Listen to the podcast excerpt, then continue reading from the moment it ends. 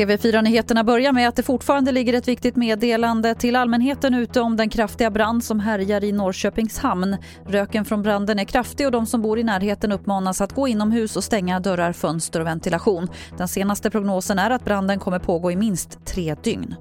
Från Norge kommer rapporter om att alla stadsdelar i Oslo nu är rödlistade. Det är efter att man registrerat över 20 coronasmittade per 100 000 invånare i alla 15 stadsdelarna de senaste två veckorna.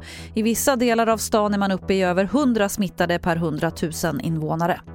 Och idag har regeringen presenterat sin budget för nästa år och i den finns åtgärder för 105 miljarder kronor. Ett av de nya förslagen är att höjningen av a-kassan förlängs med två år. Vi hör finansminister Magdalena Andersson. Vi underlättar ju medlemsvillkoret men det är också för att fler som tidigare inte har kunnat få a-kassa kan få det. Eh, och det beror på att nu man inte behövt jobba lika många timmar under en vecka eller en månad för att få a-kassa. Och framförallt låg och medelinkomsttagarna kommer få mer i plånboken, likaså pensionärerna. Det var det senaste från TV4 Nyheterna. Jag heter Lotta Wall.